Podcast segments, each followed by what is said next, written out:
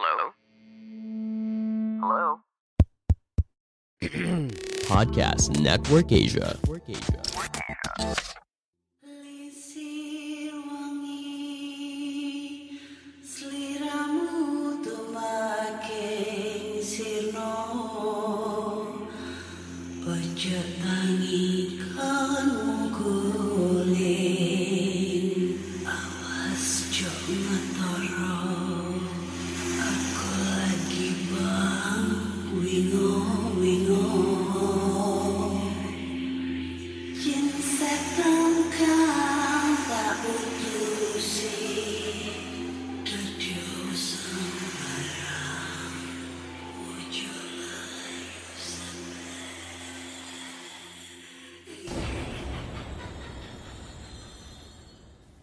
Hai Re, iya apa kabar Ketemu lagi dengan aku si Ana di podcast kisah horor.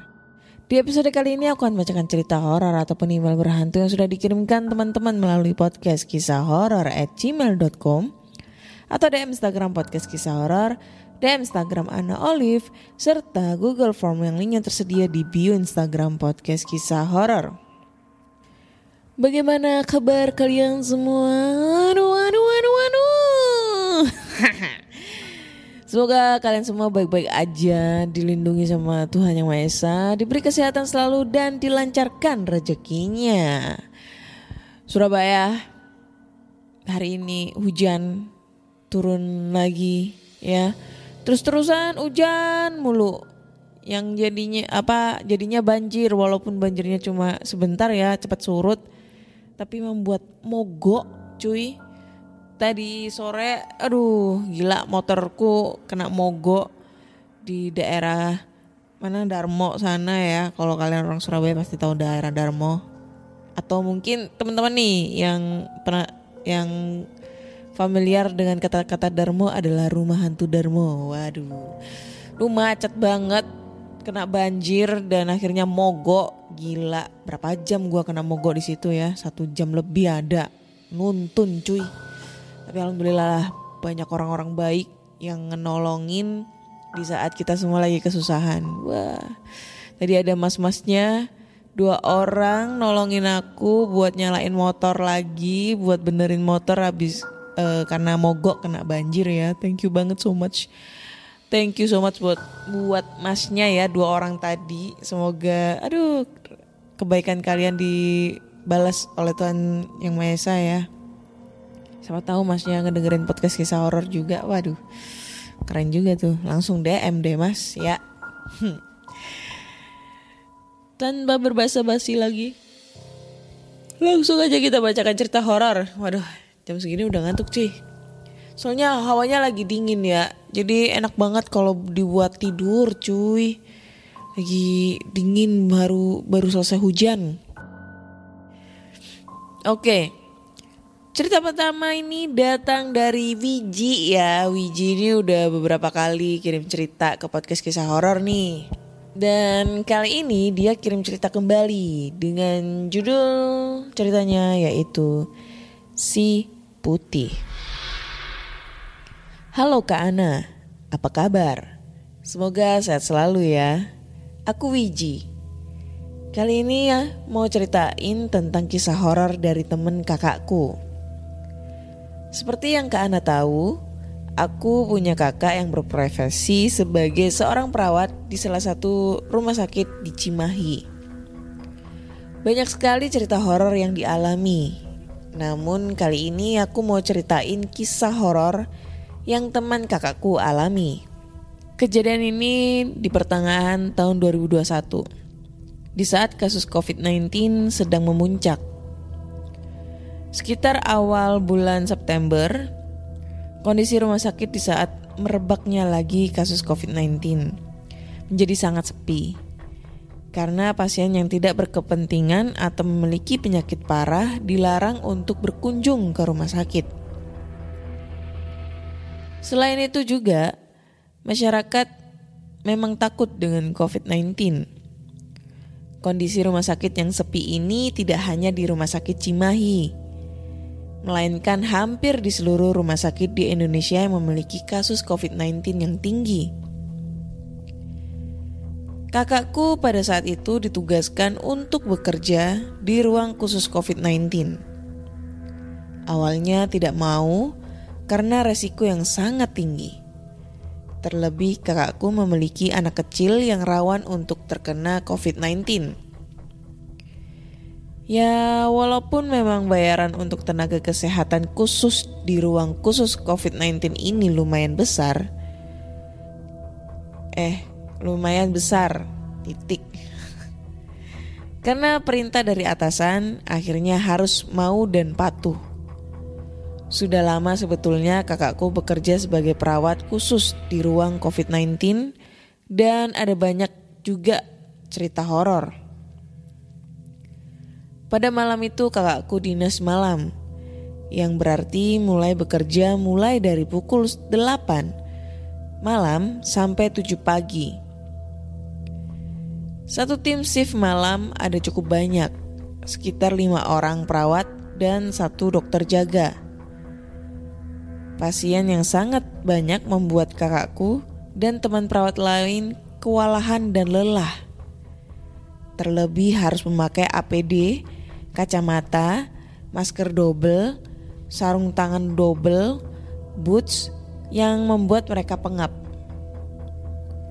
Mau makan dan minum pun susah, apalagi jika ingin buang air. Ruang khusus COVID-19 ini berada di paling belakang dan terpencil dari area lain di rumah sakit. Bisa dibilang di lokasi yang memang banyak pohon tinggi, rindang, dan sepi. Ruang perawat dan pasien pun terpisah. Harus berjalan kurang lebih 5 menit dan hanya dipantau melalui CCTV dan berkomunikasi menggunakan walkie-talkie untuk perawat dan telepon untuk pasien. Pada saat itu kakakku sedang tidak memakai APD dan perlengkapan lain. Karena memang bergiliran tidak semua menggunakan APD dan masuk ke ruang pasien COVID-19. Sehingga kakakku standby di ruang perawat bersama rekan lainnya. Ada dua orang perawat teman kakakku yang bertugas memakai APD dan berdiam di ruang pasien COVID-19. Sebut saja mereka E dan A. Setelah selesai memberi infus, obat, dan kegiatan lain kepada pasien COVID-19, akhirnya E dan A hendak kembali ke ruang perawat. Malam itu menunjukkan pukul satu lebih dini hari. E dan A berbincang-bincang. Berjalan lambat karena lelah. Mereka melewati beberapa ruangan kosong dan hanya ditemani lampu rumah sakit yang menerangi jalan. Lampu di rumah sakit ini memang tidak terlalu terang jika dibandingkan dengan rumah sakit swasta yang lebih bagus. Di tengah jalan, E dan A hendak melewati sebuah taman yang penuh dengan tanaman, pohon rindang, lampu taman, dan kursi-kursi kosong. Pada saat E dan A berjalan lurus, dari kejauhan sudah terlihat ada seseorang yang mengenakan pakaian putih seperti APD yang sedang duduk di bangku taman. E berkata kepada A, "Eh, itu ada perawat juga ya?" Siapa ya malam-malam kok enak nongkrong duduk di kursi taman? Lalu A menjawab, nggak tahu. Siapa ya? Ya udah samperin aja yuk, biar bareng ke ruang perawat. Entah disadari atau tidak, sepertinya E dan A lupa bahwa hanya mereka berdua lah perawat ruang COVID-19 yang memakai APD dan bekerja di malam itu. Selangkah demi selangkah, E dan A sudah makin mendekat ke seseorang yang mereka anggap perawat. Tetapi alangkah terkejutnya, E dan A salah menduga. Seseorang yang dianggap perawat dan mengenakan APD berwarna putih itu bukanlah perawat. Yang mereka berdua lihat pada saat itu adalah sesosok pocong yang sedang duduk di bangku taman dan duduk layaknya perawat yang mengenakan APD berwarna putih. Tidak ada kaki yang nampak ke tanah, dan bagian kepalanya diikat. Kondisi kain putih agak lusuh yang mereka lihat. E dan A pun mematung. Tidak bisa berkata-kata dan kaget. Akhirnya E dan A memiliki insting untuk berlari bersamaan ke ruang perawat memutari jalan lain. Sesampainya di ruang perawat, mereka segera bergegas membuka seluruh APD dan perlengkapannya, mandi bersama, dan menggunakan pakaian bersih. Dengan muka ketakutan dan panik, mereka memberitahu perawat-perawat lain yang ada di ruang perawat tentang apa yang baru saja mereka lihat. Setelah menceritakan kejadian tersebut, kakakku merespon dengan nada tertawa karena mendengar cerita tersebut yang memang dinilai horor tetap agak lucu. Emang kalian nggak tahu kalau cuma kalian berdua perawat COVID-19 yang pakai APD? APD kan ada garis-garis biru di samping dari atas sampai bawah. Masa nggak sadar sih? E dan A pun yang mendengar kalimat kakakku baru terpikir. Iya, bener juga. Gak ada garis birunya. Kenapa juga gak kepikiran ya? Untung aja pocongnya duduk nyamping. Kalau kelihatan mukanya mungkin udah pada pingsan kita mah. Cukup sekian Kak Ana cerita horor dari teman perawat kakakku. Next, aku ceritakan cerita horor dari kakakku sendiri yang dia alami. Terima kasih. Oke, sama-sama. eh siapa tadi, namanya Wiji, Wiji ya, Wiji tentang ceritanya dia. eh pengalaman temannya kakaknya pada saat jaga di ruang isolasi ya, ibaratnya ya, ruang isolasi. Huh. Tanpa kita pungkiri, memang rumah sakit itu segudang cerita horor. Penuh banyak cerita horor. Kenapa bisa dibilang banyak cerita horor di rumah sakit? Ya karena rumah sakit itu tempatnya orang sakit, tempatnya orang eh tempatnya menyimpan jenazah yang belum dikenal ataupun menyimpan jenazah dari korban-korban kejahatan atau mungkin eh, tempatnya ini apa namanya kalau misalnya ada korban kejahatan terus diotopsi gitu gitulah dibedah atau segala macam yang sehingga membuat lokasi tersebut itu tambah jadi angker gitu ya. Kita tidak memungkiri itu. Dan yang aku pikirkan pada saat cerita ini adalah wah kalau gue jadi jadi A dan E ya nggak mikir lah mau dia ada list biru kek mau ada apa kek. Nggak mikir cuy. Yang kita lihat dia pakai baju putih. Nggak sampai kita terpikir oh ada list biru ya APD ya atau gimana ya? Gitu. Ya kalau gue jadi A dan E ya tetap nyamperin gitu. Kalau misalnya kita tahu kalau itu setan ya kita nggak tahu. So buat kakaknya Wiji mungkin eh, ini terlalu kayak gimana gitu ya gue menilainya itu. Ya orang kita nggak tahu pasti nggak terpikirkan sampai situ gitu. Apalagi lagi histeris gitu ngeliat hantu. Baduh.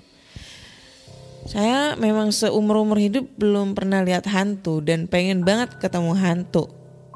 Cuma diliatin suara eh didengerin suara aja merinding disco sekali ndret habis itu udah selesai. Gimana ya caranya biar bisa lihat hantu gue lihat mantan aja udah takut anjir. Apalagi mantan sama pacarnya. Waduh kesurupan gue jadinya. Eh bangke lu anjing. Lu dulu sama gue gimana bisa-bisanya lu gara-gara dia Lydia. Lydia tuh siapa mas? Aduh gue gak pernah nonton tuh film tapi lagi viral banget. Lydia Lydia tuh saudara gue anjir. Keponakan gue namanya Lydia. Jangan-jangan dia ini lagi salah satu pelakor lagi. Waduh dia. Nggak nggak canda. Oke, next kita lanjut ke cerita berikutnya. Cerita berikutnya ini eh datang dari yang namanya Dava. Oke. Judulnya adalah Suara Tawa di Rumah Kosong. Kamu lagi mau mengembangkan podcast kamu, tapi bingung caranya bagaimana? Mulai dari sisi performance-nya, menentukan rate konten kamu, sampai bagaimana cara memonetisasinya. Nah, coba deh cek Podmetrics. Podmetrics adalah platform yang bisa membantu kamu untuk lebih mudah melihat performa konten podcastmu. Lalu melalui Podmetrics, kamu juga bisa menentukan rate podcastmu melalui data yang tersedia. Serta bisa juga memonetisasi kontenmu dengan champion-champion dari brand yang cocok dengan podcastmu. Bahkan, Podmetrics juga bisa membantumu untuk mendapatkan inspirasi dalam membuat iklan pada podcastmu dengan contoh iklan yang sudah tersedia. Nggak ketinggalan juga, sekarang Podmetrics juga ada fitur Pod Earnings dengan berbagai metode pembayaran. Sehingga memudahkan kamu untuk mendapatkan penghasilan dari Podmetrics. Jadi, kalau kamu seorang podcaster, pastikan kamu mendaftar Podmetrics dengan memakai Podmetrics referralku. Klik langsung aja podlink yang ada di deskripsi box dalam episode ini. Assalamualaikum kak Waalaikumsalam Kenalin, nama aku Dava Aku asal dari kota Bekasi Aku adalah pendengar baru podcast kisah horor. Waduh, thank you banget Dava. Aku pengen berbagi kisah horor di sini. Ini adalah cerita yang aku mau share karena aku jadi pengen berbagi cerita, berbagi kisah hororku juga kepada para pendengar setia podcast kisah horor. Kali ini aku mau cerita tentang pengalamanku waktu SMA di rumah yang lamaku, tepatnya di sebelah rumah lamaku. Di eh jadi gi- gimana sih? Kali ini aku mau cerita tentang pengalamanku waktu SMA di rumah yang lamaku, tepatnya di sebelah rumah lamaku. Gak paham? Oke. Jadi gini ceritanya. Aku ceritakan dulu dana perumahannya. Rumah lamaku itu terletak di sebuah gang. Gang keempat dan ketiga, eh, gang keempat dari tiga gang yang ada. Nah, gang tempat rumah lamaku itu ada di paling pojok. Dan di depan rumah lamaku itu ada tiga rumah kosong yang dijadiin kayak buat naruh barang-barang bekas gitu. Kira-kira gitu sedikit gambarannya. Kita masuk ke ceritanya.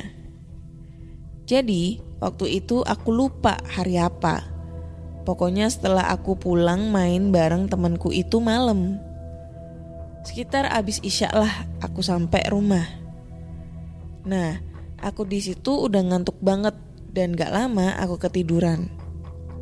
Terus aku tiba-tiba kebangun. Sekitar jam 2 mau ke jam 3. Oke, aku putusin buat sholat tahajud dulu sembari nunggu subuh. Karena kalau abis tahajud aku jarang tidur lagi. Nah entah kenapa, pas abis sholat itu aku malah masih ngantuk. Awalnya aku tahan, tapi lama-lama aku gak kuat. Nah pas aku baru rebahan di kasur dan mau nutup mata, tiba-tiba di depan rumahku di rumah kosong nomor 3 aku dengar suara orang cekikikan, cekikikan. Entah itu nenek-nenek atau kakek-kakek, aku nggak tahu. Kaget aku di situ. Masa iya ada orang ketawa malam-malam emang ngapain? Aku di situ keluar rumah buat ngecek itu apaan. Dan bener, asalnya dari rumah kosong yang ketiga. Tapi aku nggak lihat wujudnya apa. Terus aku masuk rumah dan bangunin bundaku. Aku bilang ke bunda, denger atau enggak suara itu. Ternyata bundaku denger. Terus bunda nanya, itu siapa? Aku jawab, nggak tahu. Di situ aku langsung nutup pintu dan aku kunci. Suara ketawa itu gak berhenti-henti sampai aku nyalain TV buat ngusir sepi. Tapi suara itu hilang pas azan subuh. Legalah aku di situ. Dan ternyata besok paginya tetanggaku yang rumahnya sebelahan sama rumah kosong nomor 3 itu juga dengar suara itu. Wah, ternyata bukan cuma aku yang dengar suaranya. Sekian dulu cerita dari aku kak. Maaf kalau agak sedikit kurang kurang penyampaiannya. Karena ini kejadian juga udah lama waktu aku SMA sekitar tahun 2015 atau 2016 aku juga lupa. Segitu dulu ya kak. Semoga dibacakan sama Kak Ana.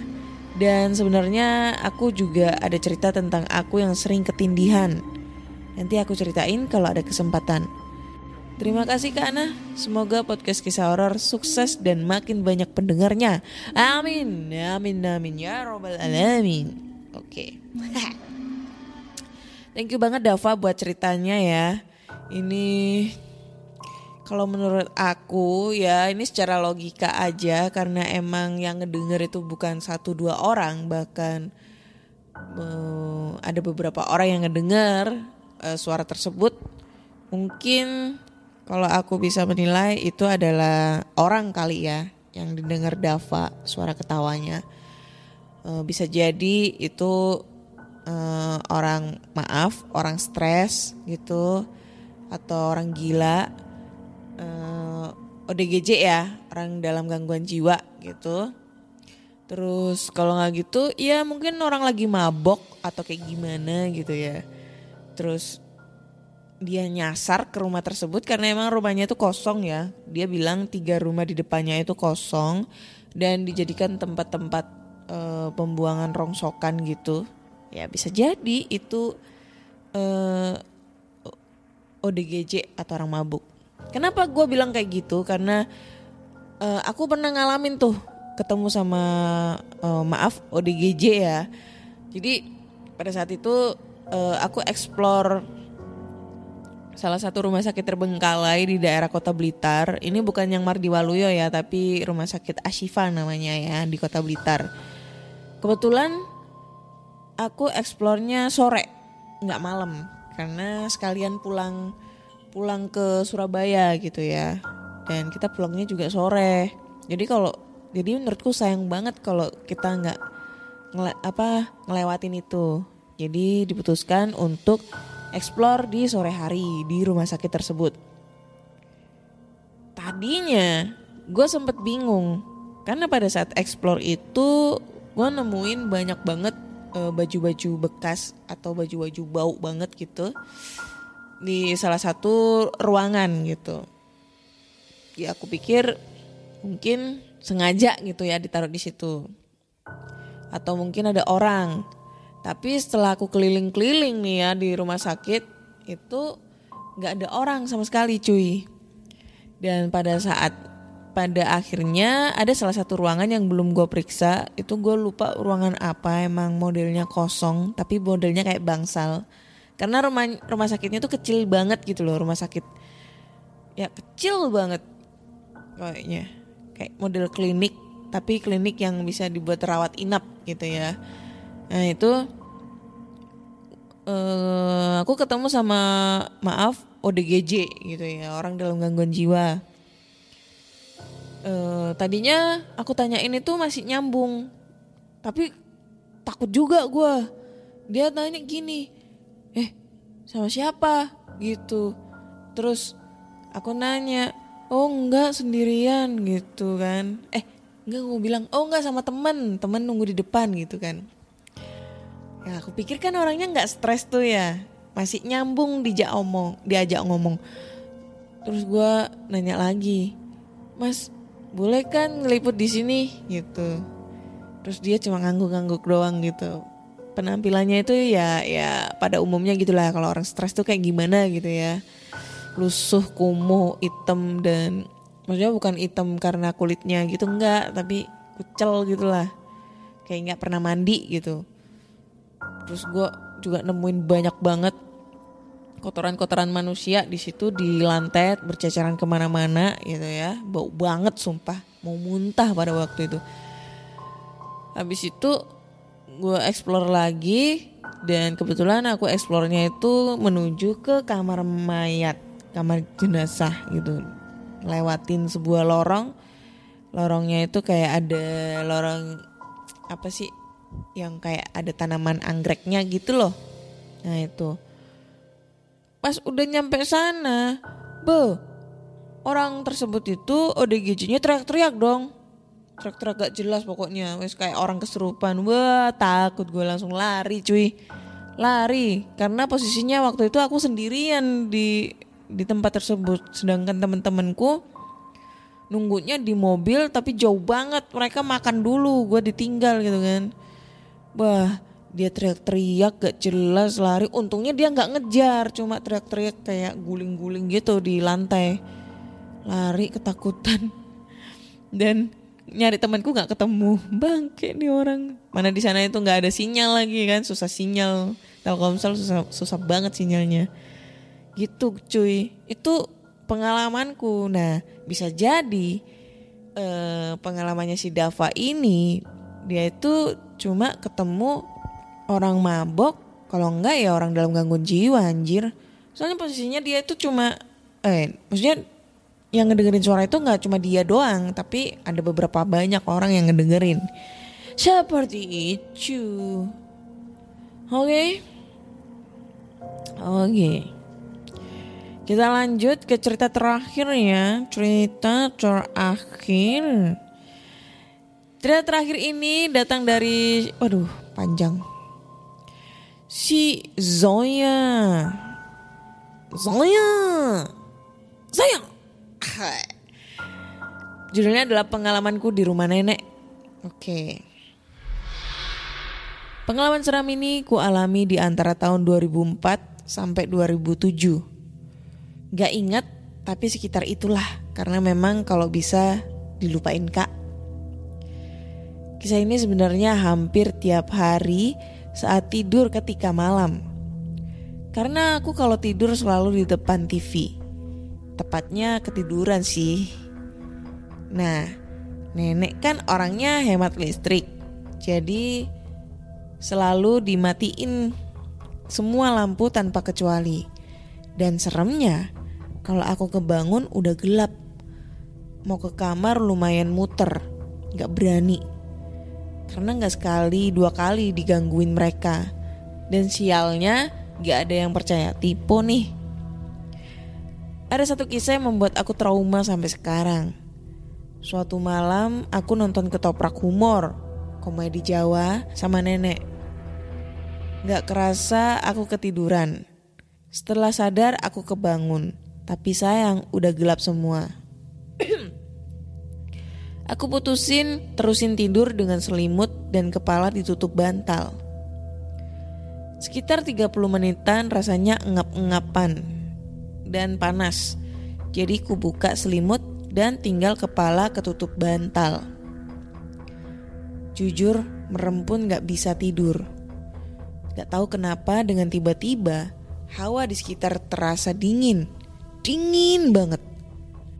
Ketika mau ambil selimut lagi, aku merasa seperti ada yang berjalan tanpa alas kaki. Tapi aku gak berani lihat. Masih positif, pasti itu nenek. Akhirnya dengan kakilah aku ambil selimut dan kututup lagi badanku. Anehnya kalau selimutan panasnya minta ampun. Sampai basah kaosku waktu itu. Gak lama setelah itu bantal yang menutupi kepalaku terasa diketuk seperti pakai jari. Mirip ketukan ketika jari nyentil telinga. Tuk tuk. Terus bisa dikatakan lama. Sekitar sejam aku bertahan, tapi ketukannya nggak berhenti. Wanjir. Sampai di mana aku nggak tahan antara kesel, takut, campur aduk. Aku buka dengan spontan bantalku, kulihat atas kepalaku dan gak ada apa-apa. Tapi ketika aku tengok bawah kakiku, ada sesosok putih berkerucut duduk di TV. Ya, itu adalah pocong. Jelas banget kak, aku gak bisa gerak. teriak pun susah. Yang bisa aku lakukan hanya merem waktu itu. Aku langsung merem. Aku berusaha teriak tapi nggak bisa. Setelah beberapa menit mencoba teriak, akhirnya lepas dan bisa teriak. Tapi dikala bisa teriak, sosok tersebut hilang. Semua bangun dan ke arahku dan bilang, eh dan dibilang mimpi. Bagiku tidak, karena posisi selimut, posisi duduk gak berubah. Maaf kalau gak serem dan panjang kak, karena baru kali ini kisah ini ku share. Jujur sampai sekarang masih suka ditampakin tapi di tempat lain. Masa, eh masa sih? Makasih kak, salam kenal Zoya. Zoya, Zoya, Zoya. Thank you banget Zoya untuk cerita horornya ya. Waduh, ini gue nggak bisa ngebayangin kalau dia posisinya tidur, em, kepalanya ditutup pakai keba, ke- kepalanya ditutup pakai bantal, gimana engapnya cuy, terus posisinya diketuk, mungkin kayak ketukannya kayak gini ya. gitu kali ya? Atau gimana sih ketukannya? Aku juga nggak paham. Eh, tapi biasanya kalau lewat bantal itu kedengeran sih walaupun agak eh, samar-samar ya suaranya gila selama sejam ditutup pakai bantal gimana perasaan lo? Ngapnya kayak gimana ya? Dan pastinya kalau gue jadi Zoya itu nggak betah banget ketutup pakai bantal. Dan ternyata yang dilihat adalah poch poch ya poch ya. Dan gue masih menjadi misteri sampai sekarang masih bertanya-tanya ya. Kenapa pada saat eh, orang ngelihat sosok makhluk halus itu mereka selalu identik nge- nge-freeze gitu ya. Nggak bisa gerak nggak bisa teriak nggak bisa ngomong nggak bisa pokoknya nggak bisa digerakin sama sekali lah. Pokoknya mematung gitu untuk beberapa saat. Why? Kenapa? Itu selalu menjadi eh, pertanyaan buat aku terus menerus dan aku masih belum nemu jawaban yang pas itu kayak gimana.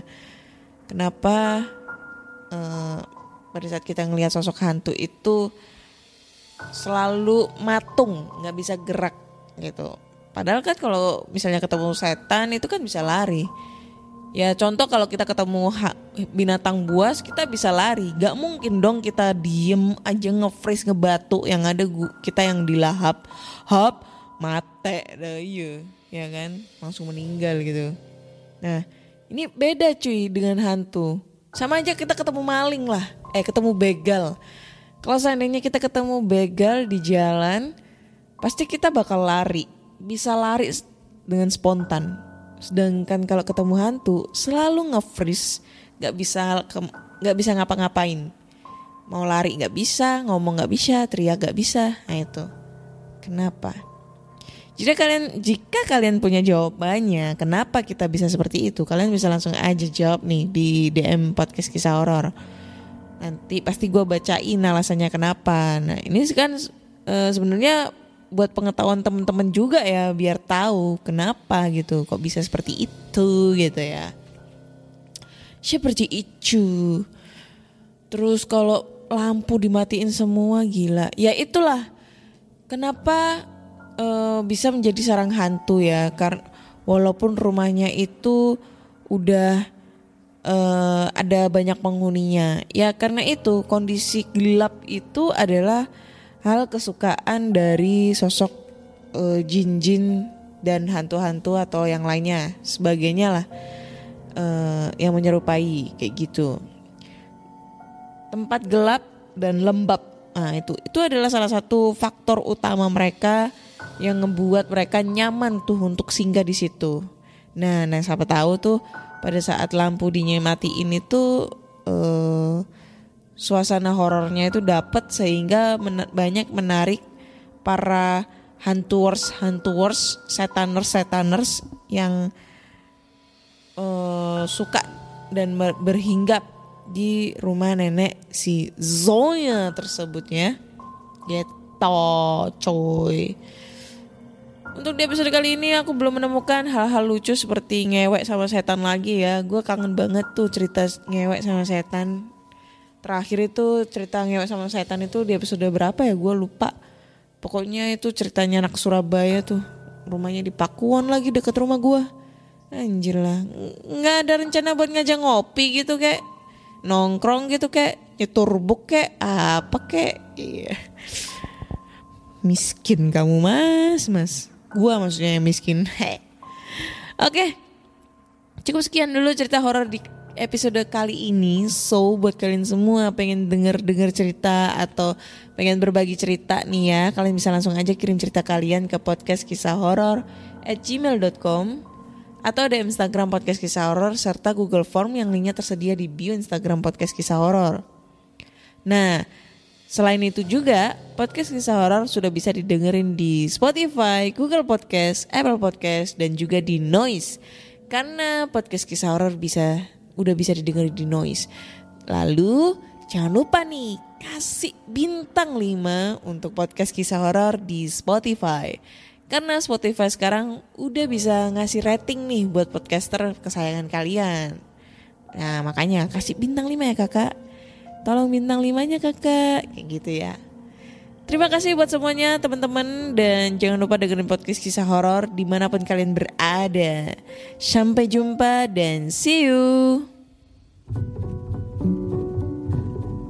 Pandangan dan opini yang disampaikan oleh kreator podcast, host, dan tamu tidak mencerminkan kebijakan resmi dan bagian dari podcast Network Asia. Setiap konten yang disampaikan mereka di dalam podcast adalah opini mereka sendiri dan tidak bermaksud untuk merugikan agama, grup etnik, perkumpulan, organisasi, perusahaan, perorangan, atau siapa pun dan apa pun.